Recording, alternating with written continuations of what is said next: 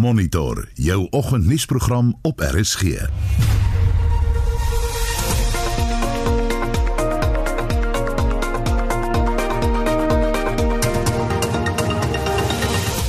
ons program die lang verwagte matriekuitslae word vanmiddag bekend gemaak. Ons is voorberei vir 'n laer slagsyfer as verlede jaar.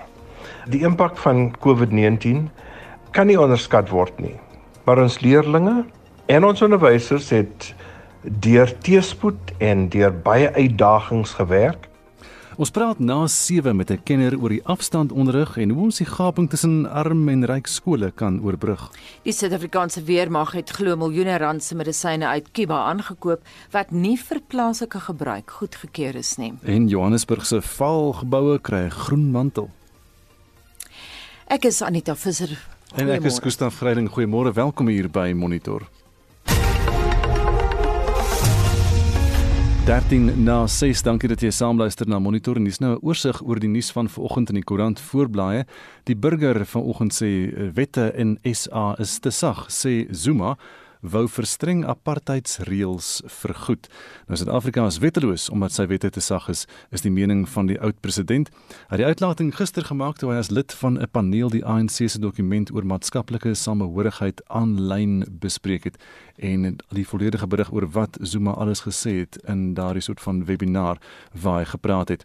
Nog 'n berig op die voorblad van die burger vanmôre, die keer sterf twee vroue van Gauteng by Voelklip afgrond. Die motorwrak op die rotse daar op die foto uh, nadat dit oor die kraans by Voelklip gestort het. Twee insittendes uh het daar by Harold's Bay en George um was blykbaar van Gauteng gewees en hulle is toe nou dood. Die name is nog nie bekend gemaak nie maar dis van Kreersdorp glo sê die berig daar. 'n Ander berig op die burger vanmôre bly weg van skeepswrak by Houtbaai waarsku NSRI. En dit is die eh, die Bos 400 wrak naby Houtbaai hou 'n ernstige gevaar in vir eh, na drie reddingsoperasies die afgelope maand en die besonderhede dan oor daardie berig is ook dan daar op die berig of in die berig op die voorblad van die burger vanmôre. Verder na beeld toe ook Zuma se uitlating wette in SA te sag. Ook die storie van die twee vroue van Kreersdorp wat daarna oor die kraans is by Voelklip en 'n foto broekloos vir bewaring en dit is motorfietsryers uh, hulle vertrek gister by die Unie gebou in Pretoria na Hartbeespoort vir die anti-pants anti-poaching byeenkoms.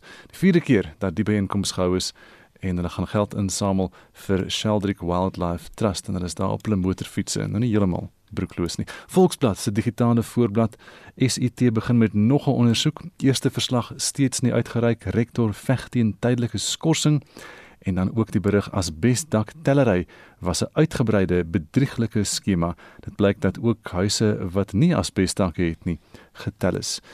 Verder internasionaal op bbc.com Amerika Amerika se United Airlines haal 24 van sy vliegtye uit die lug uit nadat 'n engine aan die brand gesteek het in Denver toe die vliegtuig opgestyg het.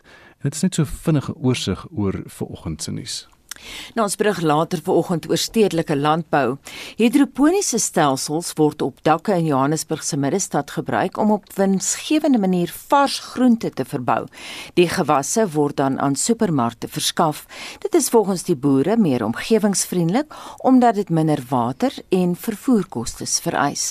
Dink jy dis 'n goeie idee om sogenaamde dooie ruimte in stede te omskep in landbougrond? Sou jy betrokke raak by so iets? Laat vir ons weet. Stuur 'n SMS SMS na 45889 dit kos R1.50 of gaan na facebook.com vorentoe skynstreep ZRSG of WhatsApp vir ons stemnota na 076 536 6961 076 536 6961 16 na 6 in die matriekuitslae vir 2020 word vanmiddag deur die minister van basiese onderwys Angie Motshekga bekend gemaak. Nou meer as 'n miljoen matrieks sê die eksamen afgelê en matrikulante sal eers môre hulle individuele uitslae kan kry. Mitsi van der Merwe berig.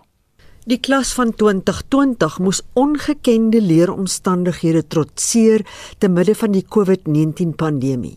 Die meeste matrikulante is gedwing om aan te pas by aanlyn klasse en afstandonderrig, hoewel baie leerders benadeel is weens 'n gebrek aan hulpbronne. Resego Faditsi Motibi van die Kimberley Seunskool, sy is dankbaar vir die ondersteuning van sy skool en onderwysers en voel positief oor sy uitslae. It is normal to feel nervous. I am nervous, but at the end of the day, I can't control the uncontrollable. Die uitvoerende direkteur van die vakbond Naptosa, Basil Manuel, sê hoewel dit onredelik is om te verwag dat matriekuitslae sal verbeter, glo hy daar sal nie 'n beduidende daling in die slaagsyfer wees nie. Eerstens wil ek sê dat Naptosa nou baie nou gewerk het met die departement en ons is deel van daardie groepe wat nou gesien het hoe die nasie in werk gegaan het en ook met Umalusi het ons gesels en ons is voorberei vir 'n laer slagsyfer as verlede jaar. Die impak van COVID-19 kan nie onderskat word nie. Maar ons leerdlinge en ons onderwysers het deur teespoed en deur baie uitdagings gewerk en ten einde gaan baie van hulle seëvier. Natuurlik is daar baie mense wat baie hard gewerk het. Ons onderwysers wat deur die vakansies en naweke gewerk het om te sien dat hierdie leerdlinge eksamen gereed sou wees moet ons natuurlik ook in ag hou. Maar ons is ook baie bekommerd oor daardie leerdlinge wat nou nie die mas sal opkom nie en ons wil vir hulle sê dat dit nie die einde van die wêreld is nie ons moet baie doen vir leerdlinge wie se geestestoestand baie geïmpak is deur COVID-19. En ons moet daardie kinders wat nou nie geslaag het nie, ons moet vir hulle help. 'n Sielkundige, Ellen Robertson, het egter raad vir leerders wat bekommerd is oor hulle uitslae. It can seem like the end of the world. You may feel worthless, discouraged, disappointed, depressed, perhaps even suicidal. Can I encourage you? Failure is not the end of the world. We can allow failure to crush us, or we can stand up against failure with an attitude that says, I am going to grow through this. I am going to use so called failure as an opportunity to make a new start so that I will still achieve my goals, perhaps even more successfully because I've learnt from failure.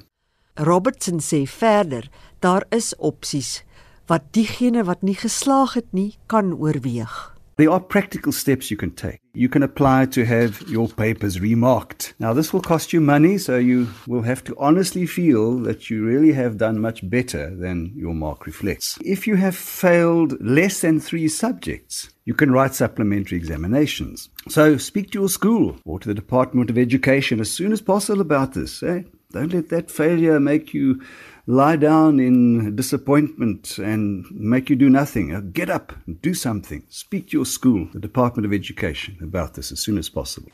Ouers word ook daaraan herinner om hulle kinders deur dik en dun te ondersteun. Leerders kan organisasies soos die Suid-Afrikaanse Depressie en Angsgroep vir emosionele ondersteuning skakel. Puleng Modupe het hierdie verslag in Kimberley saamgestel. Mitsi van der Merwe, SAK nuus. Die Suid-Afrikaanse weermag het glo medisyne ter waarde van 260 miljoen rand uit Kuba aangekoop in die stryd teen COVID-19. Die weermag het verlede week die feite bekend gemaak in 'n voorlegging aan die parlementêre portefeulje komitee oor verdediging. Ons praat nou met die DA se skademinister van verdediging Kobus Maree. Goeiemôre. Goeiemôre Anita, goeiemôre aan die luisteraars.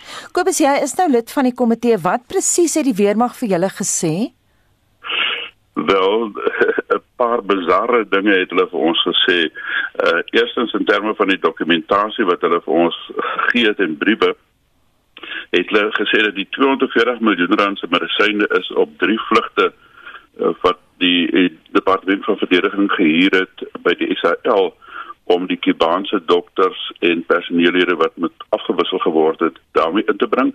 Hulle het aangesê ook daar's nog 84 miljoen rand se uitstaande, nommer 'n vierde uh, verskeping wat veronderstel is om in te kom. So dit maak die saak net baie erger.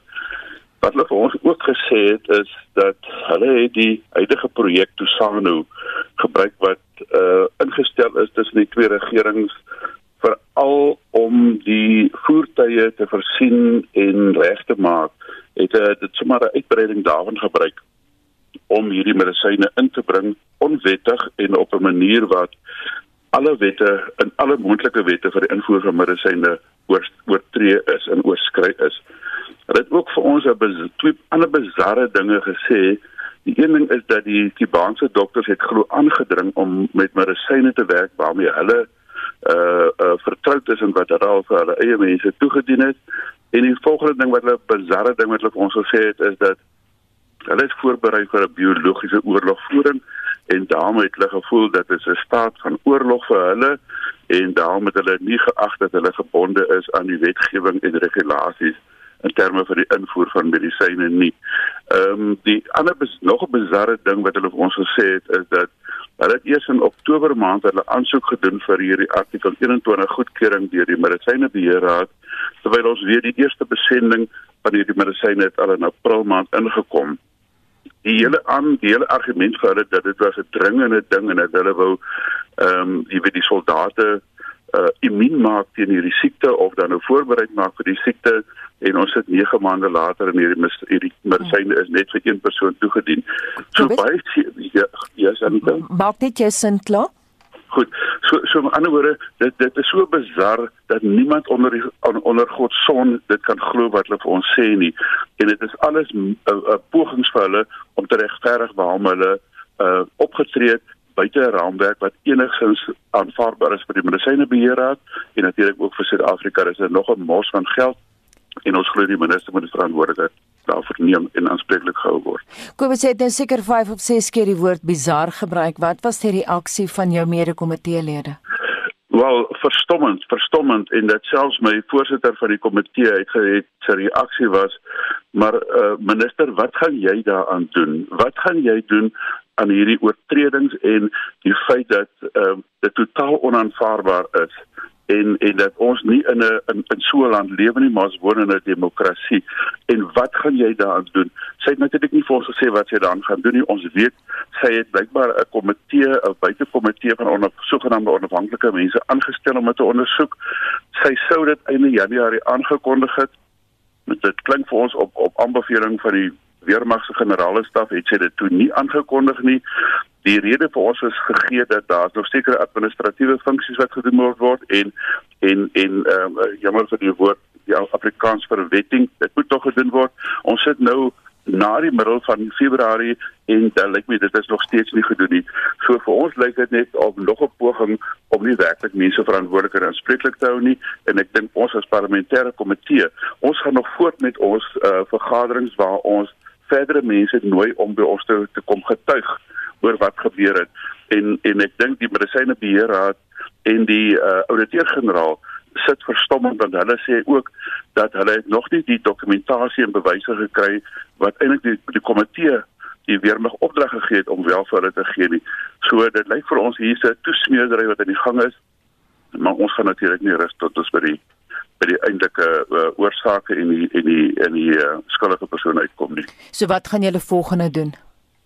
Wel, ons het laas week het ons die eerste uh, komitee vergadering gehou wat ons sekere mense genooi het om te kom getuig of hulle kom inligting gee.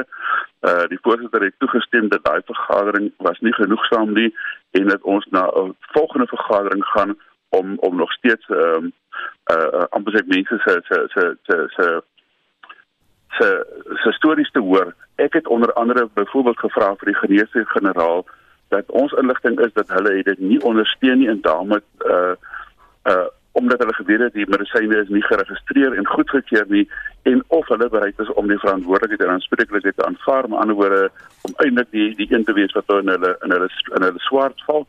Uh ons wag nog vir daai terugvoering en hooplik sal dit volgende keer kom. En uh en natuurlik is daar jou party mense wat nog genooi moet word om te kom getuig want hierdie is 'n uh, in weer eens op die woord bizarre uh, omstandighede te gebruik waar die weermag duidelik gedink het hulle is in 'n staat van van oorlogvoering hulle die die reg het om dit te kan doen en ons weet dit is onaanvaarbaar en dit is mors van belastingbetalers se geld en ons sal nie stop daar nie. Baie dankie dit aan die DA se skadu minister van verdediging Kobus Maree. Dis nou 6:30. Jy luister na Monitor elke weekoggend tussen 6 en 8. En in die nuus vanmôre die EFF vra dat politieke bedrywighede in Suid-Afrika hervat moet word met die oog op die plaaslike regeringsverkiesings wat in November beplan word. En net hier na Johannesburg se geboue steek 'n groen geheim weg. We want to grow this to at least over the next three years to cover in total a hectare of space across 20 and 30 urban farms. That business in itself could generate between 6 million rand revenue per annum. Ook later vanmôre die huidige protesaksie in Myanmar het 'n ander kleur as van tevore bly ingeskakel. Marina. Ons praat vanoggend oor stedelike landbou en ons wil by jou hoor. Dink jy dis 'n goeie idee om dooie ruimte in stede, soos byvoorbeeld woonstelle se dakke of leë sportgronde, te omskep in landbougrond om op groot skaal voedsel te produseer en die stedelike ekonomie 'n hupstoot te gee? Op Facebook skryf Ann Killian dit kan werk in 'n klimaat soos daardie en dis dan met verwysing na Gauteng, maar sy skryf verder hier in die Noord-Kaap brand die son alles dood in pype en sy sê sy het self skade net te probeer maar dit werk nie. Dis te warm daar. Kristal Pretoria se boot sê ook op Facebook ek dink dis briljant. Kan net hoop dat munisipale ordonnansies en stadsrade en beheerliggame en trustees en komitees nie die konsep sal bederf nie. En ons het ook reaksie op Twitter hieroor ontvang. Adrian de Lange sê in Engels brilliant. It will help clear the air and counter the urban heat island effect many other spin-offs. Dink jy dis 'n goeie manier om 'n stedelike ekonomie te groei? Dink jy ons kan stede gebruik om op groot skaal en op 'n winsgewende wyse voedsel te produseer? Jy kan vir ons 'n SMS stuur by 45889, dit gaan jou R1.50 kos. Kan ook saamgesels op Monitor en Spectrum se Facebookblad of jy kan vir ons 'n WhatsApp stemnota stuur na 076 536 6961. Dis 076 536 6961. 25 minute voor 7 en Shaun Jooste kyk na van die naweek se sporthoogtepunte. Kom ons om van die naweek se sportgebeure op en begin met tennisnuus. Die wêreld se voorste manspeler, Novak Djokovic van Servië, het sy titel by die Australiese Ope suksesvol verdedig toe hy die vierde gekeerde Rus, Daniel Medvedev, met 7-5, 6-2 en 6-2 oorrompel het. Dit was Djokovic se negende titel in Australië en algeheel die 18de Grand Slam titel. Naomi Osaka van Japan het ook haar vierde Grand Slam titel verower toe sy die Amerikaner Jennifer Brady Saterdag in die vroue-eindstryd met 6-3 en 6-4 getroof het. Ivan Dodig van Kroasie en Filip Polasek van Slowakye het met die Laure in die mansdubbelspel en Arina Sabalenka van Belarus en Elise Mertens van België met die Laure in die vroue dubbelspel afdeling weggestap.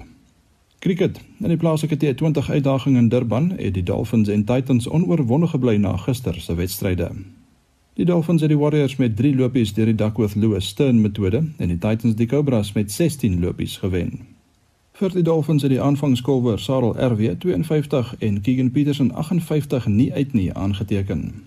Die snelbouler Lungi Nkidi het 3 paaltjies vir net 18 lopies vir die Titans laat kantel. Die twee spanne is ook eerste en tweede op die punteleer op 12 en 8 punte na 3 en 2 wedstryde onderskeidelik. Op die golfbaan het die Amerikaner Max Homa die titel by die PGA Tour se Genesis uitnodigingstoernooi met 'n eindtelling van 12 houe onder die baansyfer ingepalm. Hy moes wel 'n valbel stryd teen sy landsgenoot Tony Finau oorleef. Suid-Afrika se Brandon Grace het gesamentlik 20ste op 3 onder en Charles Schwartzel gesamentlik 62ste op 5 oor geëindig. Sokker. Gister in die DStv Premier Liga het Cape Town City en Morocco Swallows 1-1 gelyk opgespeel en Chakuma het Stellenbosch FC met 1-0 uitoorlê. Orlando Pirates het ook na die groepsfase van die Afrika Konfederasies beker toernooi deurgedring na hulle 1-0 oorwinning oor Joining Galaxy van Botswana. Hulle wen algeheel 4-0. Die tellings in gister se Engelse Premier Liga wedstryde was: Manchester United 3, Newcastle United 1, Arsenal 0, Manchester City 1, Aston Villa 1, Leicester City 2 en West Ham United 2, Tottenham Hotspur 1. Man City bly eerste op 59, Man United en Leicester City tweede op 49 en West Ham United is nou 4de op 45 punte. In die Serie A in Italië is AC Milan met 3-0 deur Inter Milan afgeronsel en Atalanta het Napoli met 2-1 geklop. En in Frankryk het Paris Saint-Germain 2-0 teen Monaco verloor. Rugby. Die Nieu-Seelander Dan Carter het sy rugby uittrede Saterdag aangekondig. Die 39-jarige Carter het 112 toetse vir die All Blacks gespeel en 'n rekord 1598 punte aangeteken. Hy was in 2005, 12 en 15 as wêreldrugby se speler van die jaar aangewys. Carter het ook die Wêreldbeker trofee in 2011 in Nieu-Seeland en weer 4 jaar later in Engeland gelig. Laastens in fietsrynuus. Matthew van der Poel van Nederland het gister se eerste skof van die toer van die Verenigde Arabiese Emirate in 3 ure 45 minute en 37 sekondes gewen.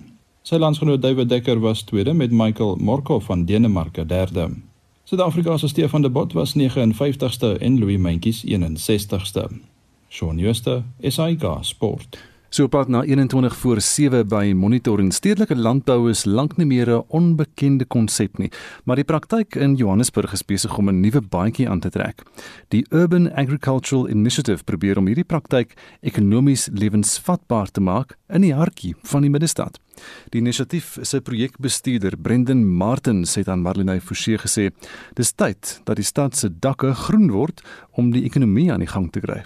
The idea of urban farming is not a new concept. The idea of farming on rooftops using technologies like hydroponics is not new. But what we saw in the past is that people did this as a food security project or as a CSI initiative, and they never centered the project within the framework of business sustainability. We are here to create businesses, not as CSI projects, not as black holes for money to flow into and disappear, but as actual businesses run by business owners that are trying to generate revenue and profit. Hy sê hulle poog om 'n nuwe ekonomie in die middestad van Johannesburg te skep in die landbouwaardeketting. Die inisiatief ondersteun stedelike boere onder meer deur hulle te help om produksie te verbeter. We look at setting up supply chains for those farmers, the seedlings, the inputs, and we help secure markets for produce. We supply one of the pack houses in Johannesburg, and they supply a number of well known retailers within the country. 10 stedelike plase vorm deel van die inisiatief waarvan een saailinge aan die ander verskaf. We have four businesses that are running. Permanent staff we are sitting on about 5 at the moment across those farms. And we have a multitude of casual laborers that come in when we do planting, when we do harvesting, when we do cleaning. So at any one time on one farm we could have 6 or 7 people working. Deur middel van Johannesburg Middestad Vennootskap het die inisiatief goeie bande gesmee met geboueienaars wat ontvanklik is vir die idee om dooie ruimte te omskep in ekonomiese aktiwiteit. The people that work on our farms often are tenants of those buildings, so their tenants are generating income from a community perspective. There's job creation, there's revenue that's being brought into the city. Every rand that comes into the inner city, it's spent in multiple places and it circulates, and we grow the economic base that way. Hoewel die praktyk nog in sy kleuterskoene is, is daar volgens Martins heelwat potensiaal. We want to grow this to at least uh, over the next 3 years to cover in total a hectare of space across 20 and 30 urban farms. That business in itself could generate between 6 million rand revenue per annum on the production side. And then if you add in an agro processing facility, which is also part of our business strategy, you factor that by two. So we go up to almost uh, 12 to 18 million rand revenue per annum. Maar is die Suid-Afrikaanse mark gereed hiervoor?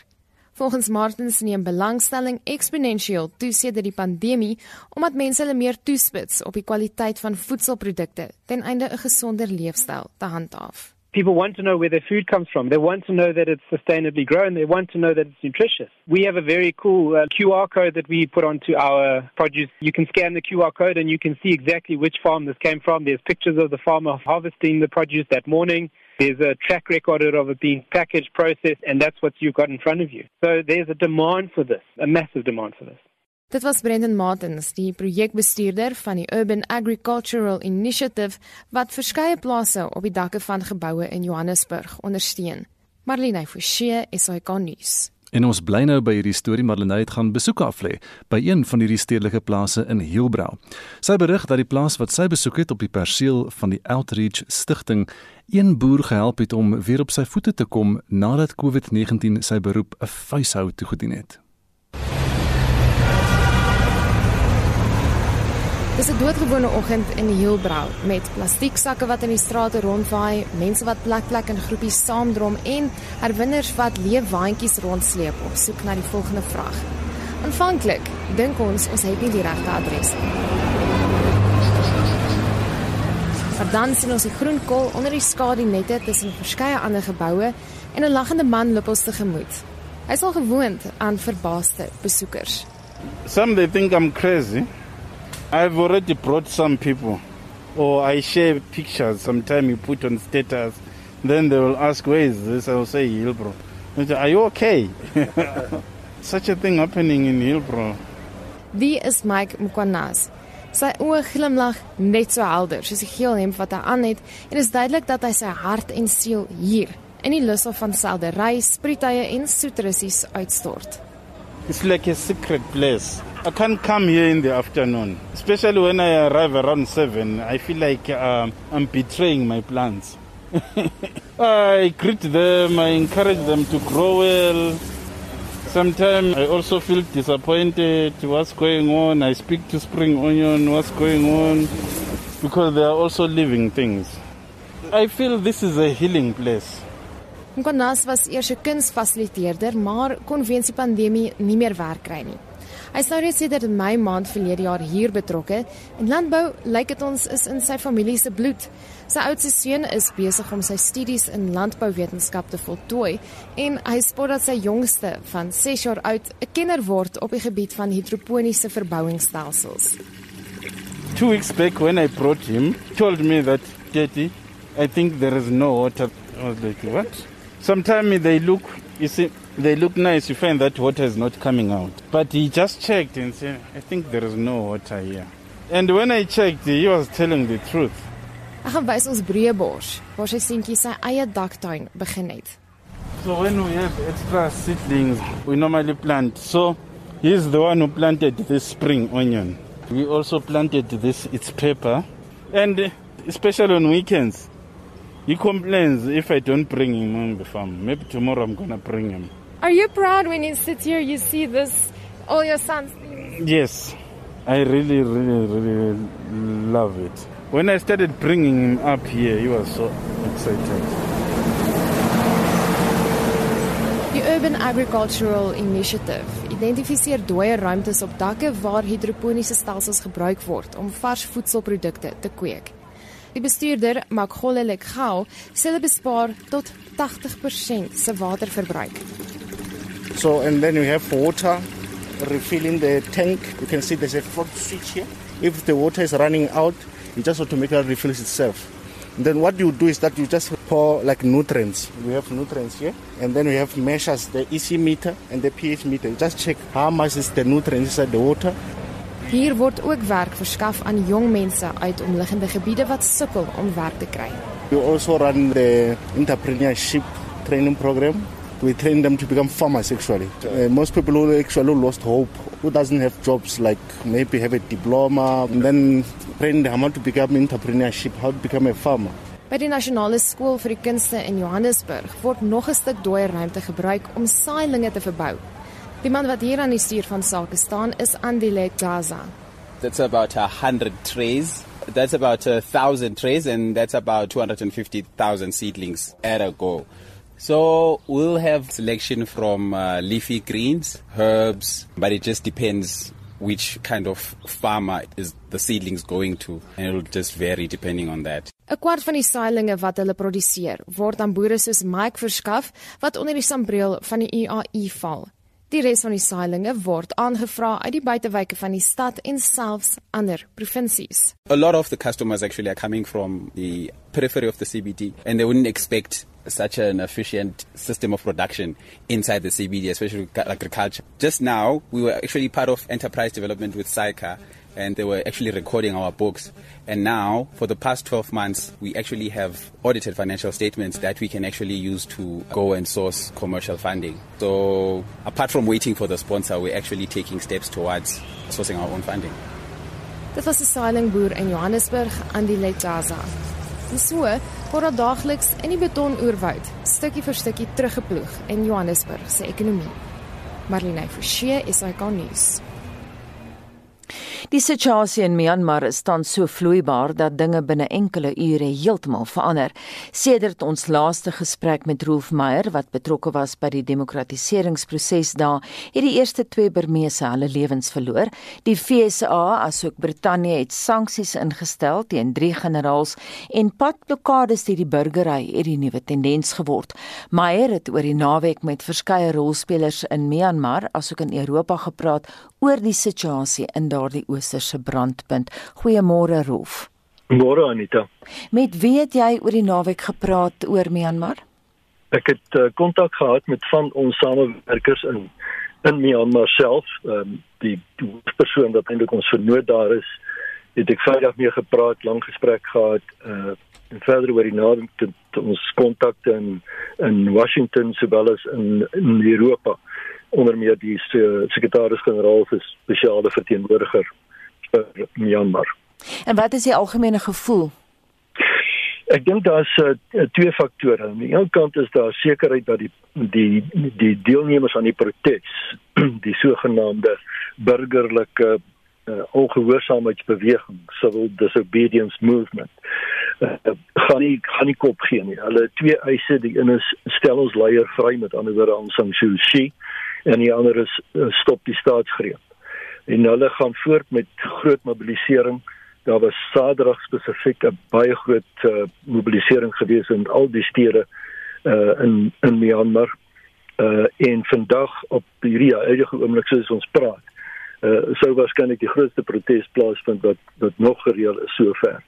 So hulle gaan nie kop gee nie, maar dan aan die ander kant het die militêr besluit om meer gewelddadig te raak. Soos jy reg gesê het, daar is reeds twee protesteerders om die lewe gebring deur die deur die polisie en uh, daar is vrees. Daar is werklik vrees dat die dat die militêr of die Tatmadaws as hulle bekend staan, uh, gaan verder ingryp met gewelddadige reaksie teen die protesteerders. Mm. So dit is 'n dis 'n baie moeilike situasie om te voorspel. Daar is vrees aan die een kant vir die lewe en lewensverlies aan die kant van die protesteerders, maar aan die ander kant is die protesteerders slim. Daar is geen twyfel daaroor nie. Hulle is jong mense wat wat weet hoe om te kommunikeer op internet Ehm um, en en dit is ongelooflik hoe hulle daar slaag om mense te mobiliseer. Hulle doen dit op 'n rotasie basis sodat hulle nie moeg word nie. Met ander woorde, een groep is vandag aan die aan die protesteer en 'n volgende groep kom môre in. Dit laat mense 'n bietjie dink aan burgerlike protesaksies in ander wêrelddele en miskien ook so 'n bietjie aan ons eie hier in die 1980s in Suid-Afrika. Die die feit van die saak is wat hier aan die gang is is die is die opstand van die van van mense wat sê ons is nie tevrede om dit te aanvaar dat die militêr ons beheer nie. Hmm. Roof jy het nou verwys na die feit dat baie van die betogers is jong mense, hulle weet om om te gaan met elektronika. Ons het gesien met die Arabiese lente ook hoe dat uh, elektronika gebruik is tot groot vrug om leiers uiteindelik te dwing om kop te gee. Maar vir my baie interessant, jy sê nou dit lyk nie asof die betogers gaan kop gee nie. 'n CNN verslaggewer het Vrydag gesê en ek haal hom aan, hy het gesê die militêre leiers die junta gaan nie tou opgooi nie. Sy presiese woorde was they are in it for the long haul. Wat dink jy? Ja, dit is dit is die probleem. Dit dis ook al mense met sê ons hier is 'n 50-50 situasie. Ander uh, bronne het beskryf as 'n uh, lose-lose situasie. Want want aan albei kante is daar waarskynlik uh, groot potensiële risiko. So ehm um, dit is baie moeilik om te voorspel wat presies gaan gebeur. Uh die die soos ek verlede week gesê het, die hoof van die van die weermag is 'n is 'n baie ambisieuse persoon. Uh iemand het hom teenoor my beskryf as ruthless. Hmm. Oor hy is onverbiddelik in wat hy wil uh, regkry. En uh, die die die feit is dit gaan moeilik wees om hom te laat kop gee. Uh daar is pogings om met die Tatmadaw of die militêr te praat of vir hulle te sê kom ons bemiddel dit is 'n baie moeilike situasie. Eh, die die voorbeeld wat ons natuurlik het is die omliggende lande. Neem byvoorbeeld Thailand. Thailand is onder militêre regering nou vir etlike jare. Mm. Ehm mm. um, maar in Thailand was dit kom ons sê redelik moontlik om dit af te dwing. Ek dink in Myanmar is daar nou 'n opstand aan die gang wat nog nie van tevore gesien is in daardie streek nie. En uh, dit is ook om met 'n 'n opweeg van werklike vermoë is uh, die die protesteerders soos ek sê lyk nie asof hulle enige belangstel om om uh, afgeskrik te word deur die militêr nie.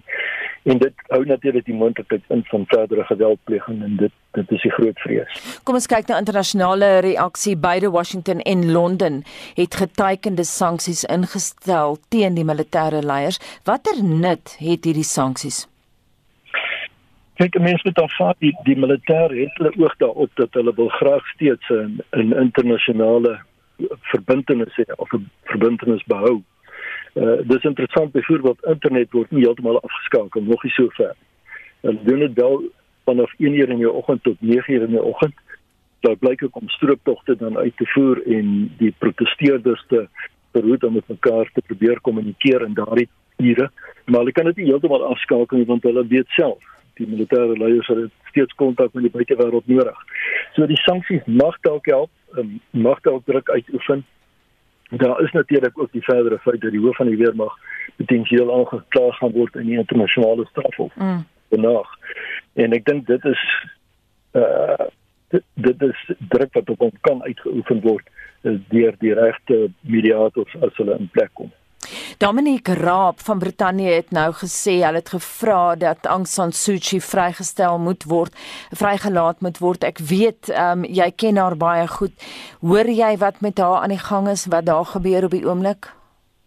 Nee, daar's geen nuus nie. Uh, daar's geen kontak met dit uh, dit is 'n baie uh, slegte situasie. Ek meen selfs die die spesiale verteenwoordiger van die sekretaris-generaal is nie in staat om mekaar eers kontak te maak nie. Mm daar word uh, toegang tot die land geweier op grond van die voorwaardes wat gestel het dat sy wil sien toe kom maar sy moet aan Sang Suu Kyi sien.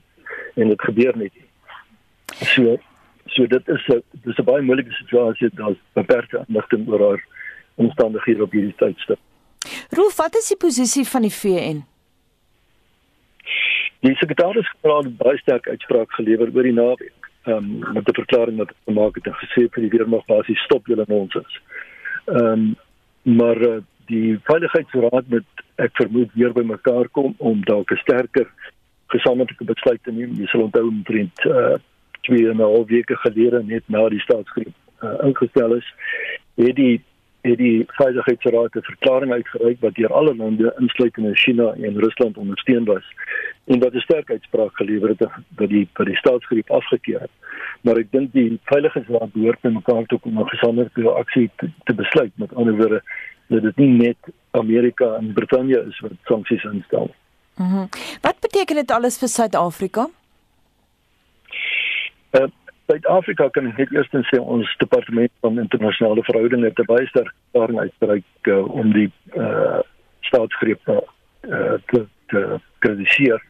En en ek het onlangs uh, ook gepraat met die uh uh, uh direkteur-generaal die uh, visie direkteur-generaal van die departement wat verantwoordelik is vir die gebied aan Jules Soukla en hy het baie sterk uh, standpunt oor die onderwerp. Uh ek dink vir Suid-Afrika is daar belang by want ons het 'n ons het 'n grondwet wat funksioneer in Myanmar is daar nie 'n grondwet wat funksioneer nie en dit is wat die weermag toegelaat het om te doen wat hulle gedoen het.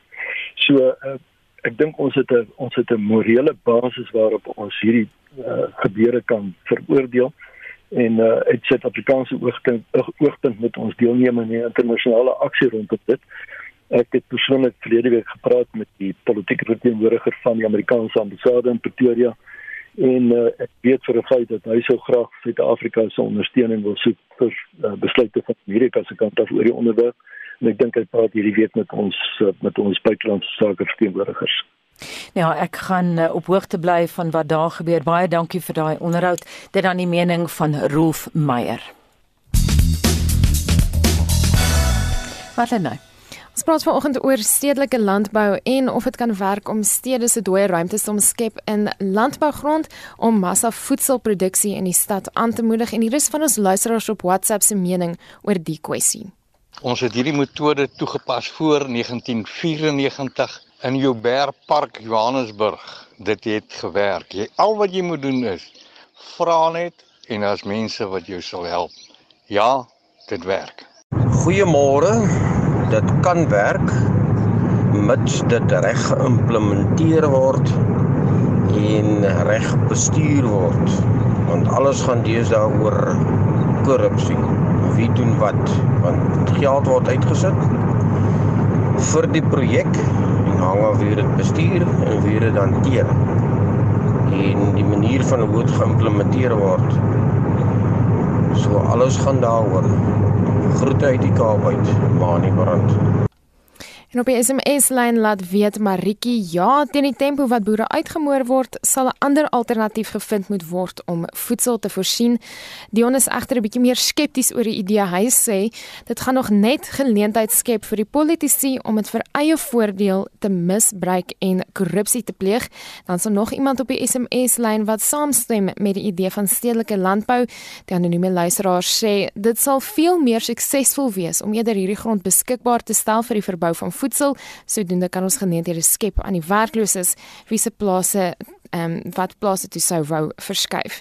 Dan op Facebook sê Alfred Pratt dis 'n wonderlike idee. Enrika Voogdier ehm um, deel haar buitelandse ervaring van die konsep. Sy sê dis hoe hulle groente verbou in Singapore en ons groot hidroponiese stelsels wat daarvoor gebruik word. So dalk as jy so iets gesien het op jou reise in die wêreld kan jy ons laat weet ehm um, of jy dit daar suksesvol sien werk het. Jy kan jou mening met ons deel. Ons praat vanoggend oor stedelike landbou. Ons wil weet, dink jy dit kan werk? Dink jy ons kan dit gebruik om op groot skaal voedselproduksie in stede aan te moedig? SMS is R1.50 4589 of praat saam op Monitor en Spectrum se Facebookblad. Dis nou 7uur. SAK nuus. Onafhanklik, onpartydig